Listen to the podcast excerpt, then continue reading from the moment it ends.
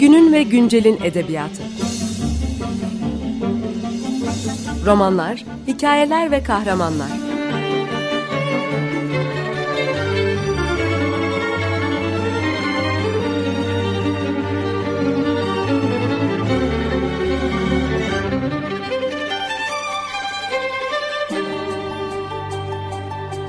Hazırlayan ve sunan Seval Şahin.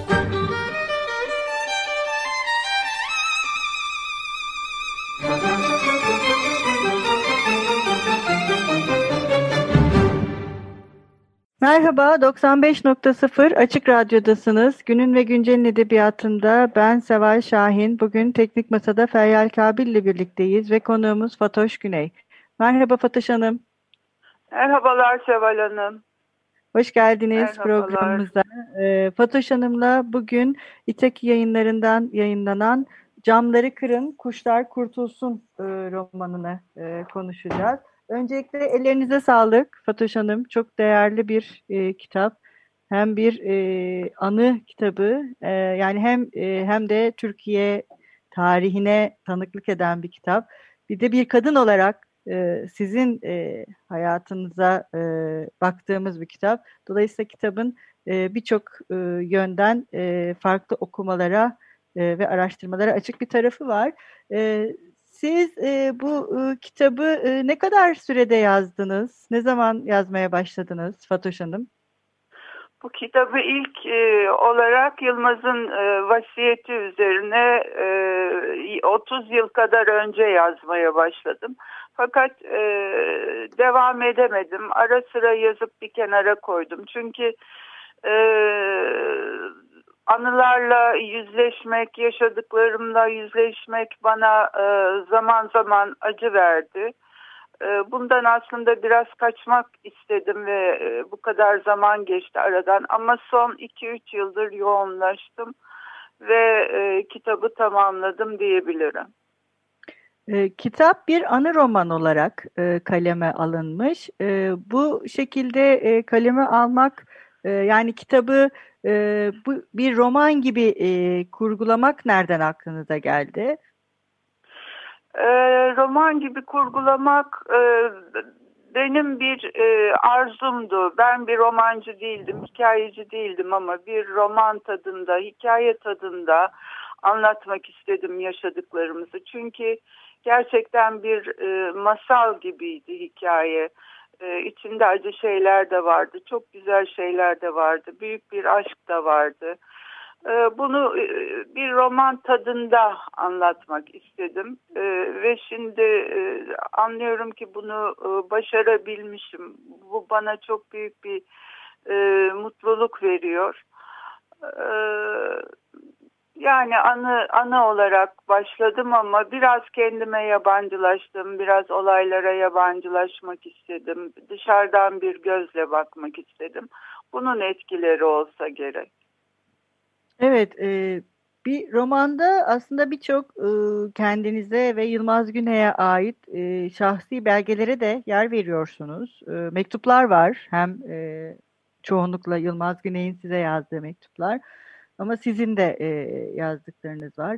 Bu e, mektupları aynen mi koydunuz e, kitaba yoksa e, roman e, şeklinde anlatırken bunları da e, kurgunun bir parçası e, yapmayı e, düşündünüz ve e, ne bileyim çıka, eklemeler, çıkarmalar ya da mektupların belirli bölümlerini yayınlamak gibi e, şeyler yaptınız mı?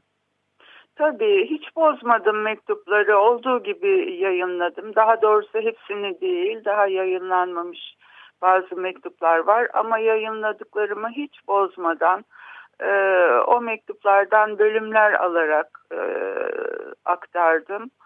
E, bu mektuplar bana e, evlenmeden önce askerden yazdığı mektuplardı. E, daha sonra hapishanelerden gönderdiği mektuplardı. E, gerçi bir de e, Selimiye mektupları adı altında bana Selimiye Askeri Cezaevinden 12 Mart döneminde yazdığı bir mektuplar kitabı var ama e, o benim kitabımın içinde e, henüz yayınlanmamış mektuplar da var. E, o yüzden e, değerli mektuplar. Evet. Onları evet. aktarmak istedim. Kalıcı olmasını istedim. Ölümsüz olmasını istedim. Evet bu ıı, mektuplarla aslında biz e, Yılmaz Güney'in e, iç dünyasını e, çok daha yakından tanıyoruz. Bir de e, sizin gözünüzden e, onun bir anı roman e, şeklinde anlatılmasıyla e, daha da e, yakınlaşıyoruz aslında ona bir e, karakter olarak da. Kitapta e, Yılmaz Güney'in e, edebiyatçılığıyla başlıyorsunuz aslında e, bu kitaba. E, çünkü onunla e, onun yazdıklarını okumanız ve onun yazdıklarının sizin üzerinizdeki etkisi e, ve daha sonra tabii e, sinemadan e, bol bol e, bahsediyor. Kitap oraya da geçeceğiz. E, başlangıcı e, özellikle edebiyatçılığıyla mı yapmak istediniz? Zaten Yılmaz'ın e, hayatı önce edebiyatla başlıyor. İlk e, hikayeleri lisedeyken e, lisenin duvar gazetesinde çıkıyor. Daha sonra hikayeleri yazmaya, hikayelerini yazmaya devam ediyor. O zamanki adıyla Yeni Ufuklar e, dergisinde Vedat Günyol'un çıkardığı Yeni Ufuklar dergisinde hikayeleri yayınlanmaya başlıyor. Ve ilk e, cezasını 1960'lı yıllarda e, küçücük bir hikayesinden ötürü alıyor. E, komünizm propagandası yaptığı gerekçesiyle. Aslında hiç alakası yok çünkü Yılmaz Güney o zamanlar komünizmin ne demek olduğunu bile tam olarak bilmediğini söylüyor mahkemede hakime. Fakat hakim buna inanmıyor ve e, bir buçuk yıl Nevşehir hapishanesinde mahkumiyet ve altı ayda Konya'da sürgün cezası veriyor. Böylece Yılmaz bu e, hikayeleriyle edebiyat dünyasına e, giriyor. Daha sonra senaryolar kaleme alıyor. E, ve bu senaryoları yazarken Atıf Yılmaz'ın asistanı olarak Yaşar Kemal'in e, tavsiyesi üzerine Atıf Yılmaz kendisine iş veriyor. Senaryoda e, ona yardımcı olmaya başlıyor ve kalemi çok güçlü bunu anlıyorlar ve ona e, yazdığı senaryonun içinde küçük de bir rol biçiyor e, Atıf Yılmaz. Böylece de sinemaya başlıyor. Ama tabii baskın olan yönü edebiyat yönü. Çünkü daha sonra e, romanı var bu Nevşehir cezaevindeyken yazdığı Boynu Bükük Öldüler adlı bir e, romanı var. Henüz 21 yaşında o zaman. O roman daha sonra Orhan Kemal roman armağanını alıyor. Daha sonra e, yazdığı romanlar var. Salpa, Çırçır, Selimiye. Çırçır Mahallesi. Evet, evet. Çok e, özel e, romanlardır onlar da. Yani Yılmaz Güney'in kalemi çok güçlü. E, zaten sinemada da başarılı olmasının nedeni e, senaryolarını kendisinin e, yazması. Yani onları hikaye, onların hikayelerini kendi kafasında üretmesi. Yani sinemadaki başarısı da edebiyatının gücünden kaynaklanıyor. E, peki hep e, yazmaya devam etti mi Fatoş Hanım? Yani edebiyatla bağını anladığımız kadarıyla hiç koparmadı Yılmaz Güney. E, yani hikayeler ve romanlar yazmaya devam etti mi bu süreçte? Ve Tabii. o Pardon. Peki buyurun. bu Ha bu yok yok ve bu süreçte mesela e, özel bir zaman ayırıyor muydu edebiyata hep? Bunu merak ediyorum. Ben. Maalesef dışarıda olduğu zaman bu kadar disiplinli ve programlı çalışma olanaklarını bulamıyordu bir setten diğer sete gittiği için.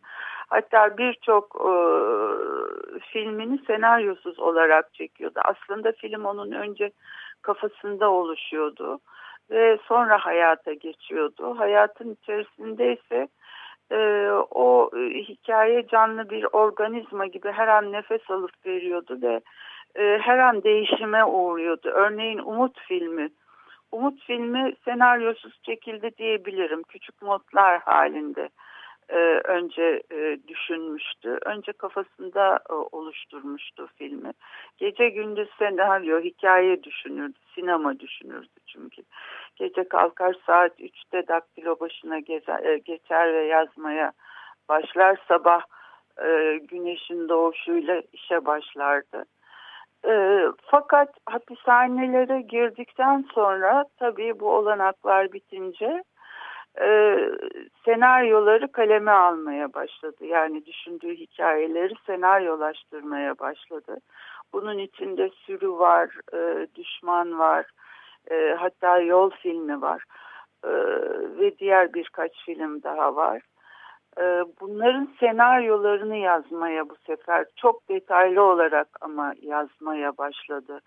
Yani o kadar detaylı ki örneğin hangi sahnenin hangi saatte yani hangi ışığa e, ışık e, düzenine uygun olarak çekilmesi gerekliliğini bile notlarını alarak çok detaylı senaryolar yazdı.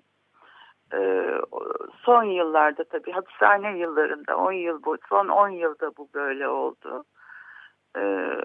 Yani Yılmaz Güney'in hayatı fırtınalı bir hayat olduğu için hapishanelerde de oradan oraya oradan oraya sürüldüğü için her zaman e, ama en üretken olduğu yıllar da hapishane yılları diyebiliriz. Evet, e, peki mesela bu e, senaryolar hiç kitap olarak kitaplaşmadı, yayınlanmadı değil mi? Yok yok, hepsi, hepsini kitaplaştırdık biz Güney Film Yayınları olarak. E, Şu anda Şimdi, mevcut mu piyasada bulunabiliyor? Evet evet e, şu anda İtaki yayınları bunları yayınlamaya başladı en son. E, evet. Bütün senaryoları kitap halinde var. E, romanları var, hikayeleri var.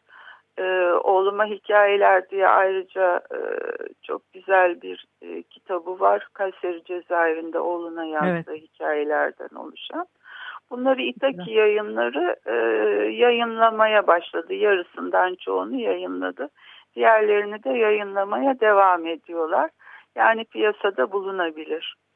O zaman e, buradan dinleyicilerimize de duyuralım tekrar. İtaki yayınları bütün Yılmaz Güney Külliyatı'na ulaşmanızı sağlıyor şu anda ve e, bu devam edecek. İstediğiniz zaman da Yılmaz Güney'in bütün külliyatına ulaşabilir olacaksınız. Bu da çok değerli bir şey bence. Maalesef Türkiye'de birçok kişinin külliyatına ulaşmak hala mümkün e, değil. E, Fatoş Hanım peki edebiyatçı olarak Yılmaz Güney ile sinemacı olarak Yılmaz Güney'i birbirinden ayırır mısınız? Yok hayır ayırmam. Ee, evet. Çünkü dediğim gibi ikisi birbirini besledi ve büyüttü.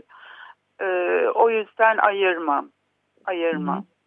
Yani şey e, bir e, ikisinin de çalışma şekli ve birbirine edebiyatını da zaman zaman ben sinemanın da çok beslediğini düşünüyorum Yılmaz Güney'in edebiyatında çünkü görsellik e, evet. oldukça e, önemli e, bir unsur olarak ortaya çıkıyor. Aslında bu konuda ayrıca edebiyatçılar tarafından araştırılması gereken bir e, mevzu. E, peki Fatoş Hanım böyle bir kitabı yazmak başta söylediğiniz gibi sizi e, duygusal olarak e, etkiledi şüphesiz ve geri dönüp e, bunları hatırlamak ve aktarmaya e, çalışırken bu hatıralar arasında e, neyi seçmek, e, neyi öne çıkarmak konusunda e, düşündünüz mü? E, bu sizi bu bu şey bu düşünce sizi e, nasıl etkiledi? Ee, evet, e, benim amacım sadece ve sadece Yılmaz Güney'i anlatmaktan yola çıkmak olmadı. Şöyle ki bir kadın olarak önce beni, kendi yaşadığım değişimleri e, de aktarmak istedim. E, çünkü gerçekten önemliydi bir insanın gelişim serüveni olarak önemsedim kendi gelişimimi, gelişim sürecimi.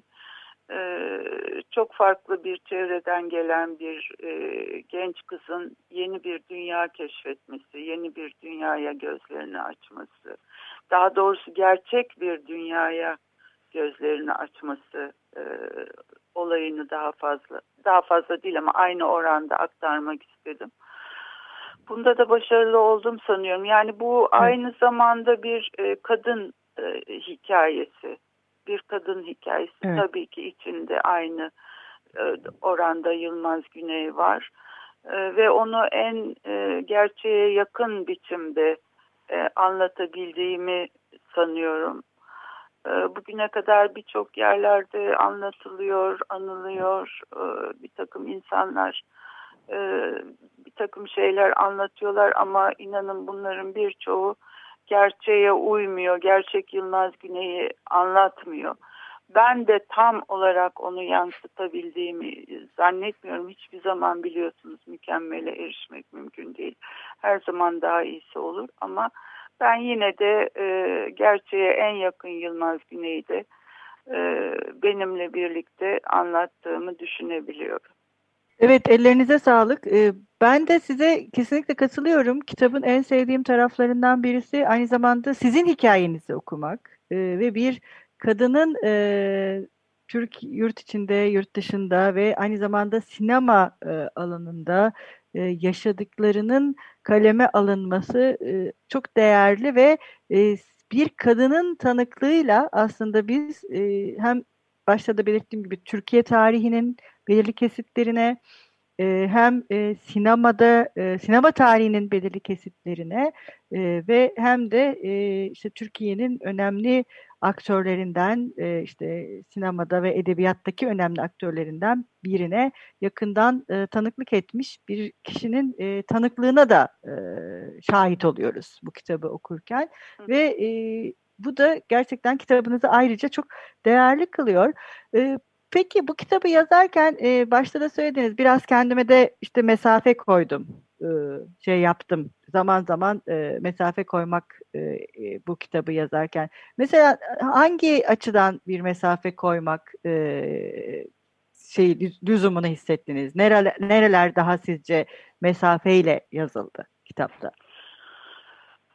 Her olaya bakarken mesafe koymayı kendime amaç edinmiştim. E, çünkü olaylar çok ağırdı. Geçen olaylar gerçekten herkesin kaldırabileceği, tahammül edebileceği boyutlarda değildi. Gerçekten çok çok e, güç e, şeyler yaşamıştık ve o dönemlerde 12 Mart döneminde 12 Eylül döneminde ayrıca e, bizimle birlikte e, yüz binlerce insan e, aynı şeyleri yaşamıştı. Buna inanıyordum, bunu biliyordum.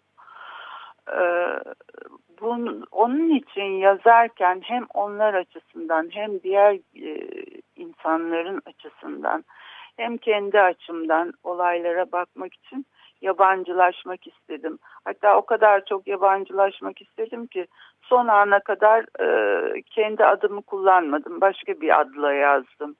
Yani işte o şöyle yaptı, bu böyle yaptı. E, Fulya koymuştum kızın adını, Fatoş'un adını. Yani kendime Fulya adını vermiştim. Sonuna Hı. kadar kitabın Fulya e, yaptı, Fulya geldi, Fulya gitti diye e, yazdım. Hatta iyice iyice yabancılaşmak istedim. E, sonra birinci tekil şahısa döndü değil. E, yani bunun için istedim. Çünkü olayların dibe çökmesini, e, tortuların e, dibe çökmesini, ve e, gittikçe kafamda her şeyin netleşmesini e, arzu ettim. Ve bu senelerin bana bu faydası oldu. Yani belki hemen yazsaydım daha farklı bir şey çıkardı. Yılmaz'ın hemen ardından e, kaleme alsaydım e, bu kitabı belki daha farklı olurdu. Ama aradan geçen zaman süresinde ben de olgunlaştım. Dediğim gibi olaylar daha netleşti. Evet, peki e, mesela kitabı okuyup bitirdikten sonra keşke şunu da yazsaydım ya da tam tersi keşke şunu da yazmasaydım dediğiniz şeyler de oldu mu? Bitince. Ha, çok ufak tefek şeyler oldu şu anda hatırlayam hatırlamıyor hatırlamıyorum bile ama genel olarak yazdıklarımdan e, memnunum ve ee, sağ olsunlar insanların dönüşü e, yani bana kitabı okuduktan sonra dönüşleri hep çok olumlu oldu. Bu da bana e, istediklerimi anlatabilmişim demek ki aktarabilmişim. İnsanlar bunu algılayabiliyor diye ayrıca bir mutluluk verdi. Evet, bir de bu kadar e, yakından tanıdığınız e, bir insanı e, yazmanız e, ve kendinizi de aslında yazarken açmanız çok da kolay bir şey olmasa gerek herhalde. E, bu da bir evet. E, samimilik ve hakikat isteyen bir şey gerçekten. E, ama e, bence çok teşekkür ediyorum ben bir okur olarak Fatoş Hanım size. Çünkü bu anıların e, işte anı roman olarak ya da başka türlerde mutlaka yazılması gerekiyor bence. Bu tanıklıkların e, mutlaka bugünle buluşması gerekiyor ve sizin tanıklığınız e, bu kitapta, sizin de programda birkaç kere de dile getirdiğiniz gibi hem sizin tanıklığınız hem de sizin anlattığınız Türkiye'nin ve bir e, biraz önce de dediğim gibi edebiyatta ve sinemada bu ülkenin önemli bir aktörünün e, hayatının tanıklığı. Bu çok değerli. E, bunu bence hiç kimsenin unutma, unutmaması ve bu e, tür kitaplarında hep artması gerektiğini düşünüyorum ben. Yavaş yavaş programımızın sonuna geliyoruz. Sizin son olarak eklemek istediğiniz şeyler var mı programımıza bitirirken?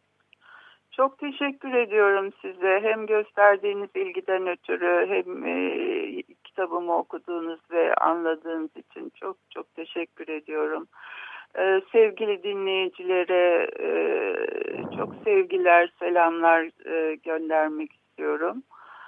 E, iyi daha iyi günlerde, daha güzel günlerde Türkiye'nin e, gerçek demokrasiye kavuştuğu özgür günlerde, çok daha mutlu, çok daha iyi e, günlerde görüşmek üzere diyorum. Biz de size çok teşekkür ediyoruz e, Fatoş Hanım. çok program konuğumuz olduğunuz ve bu kitabı yazdığınız için. bugün Günün ve Güncel'in edebiyatında Fatoş Güney ile Camları Kırın, Kuşlar Kurtulsun kitabını konuştuk. Hoşçakalın, görüşmek üzere. Günün ve güncelin edebiyatı. Romanlar, hikayeler ve kahramanlar.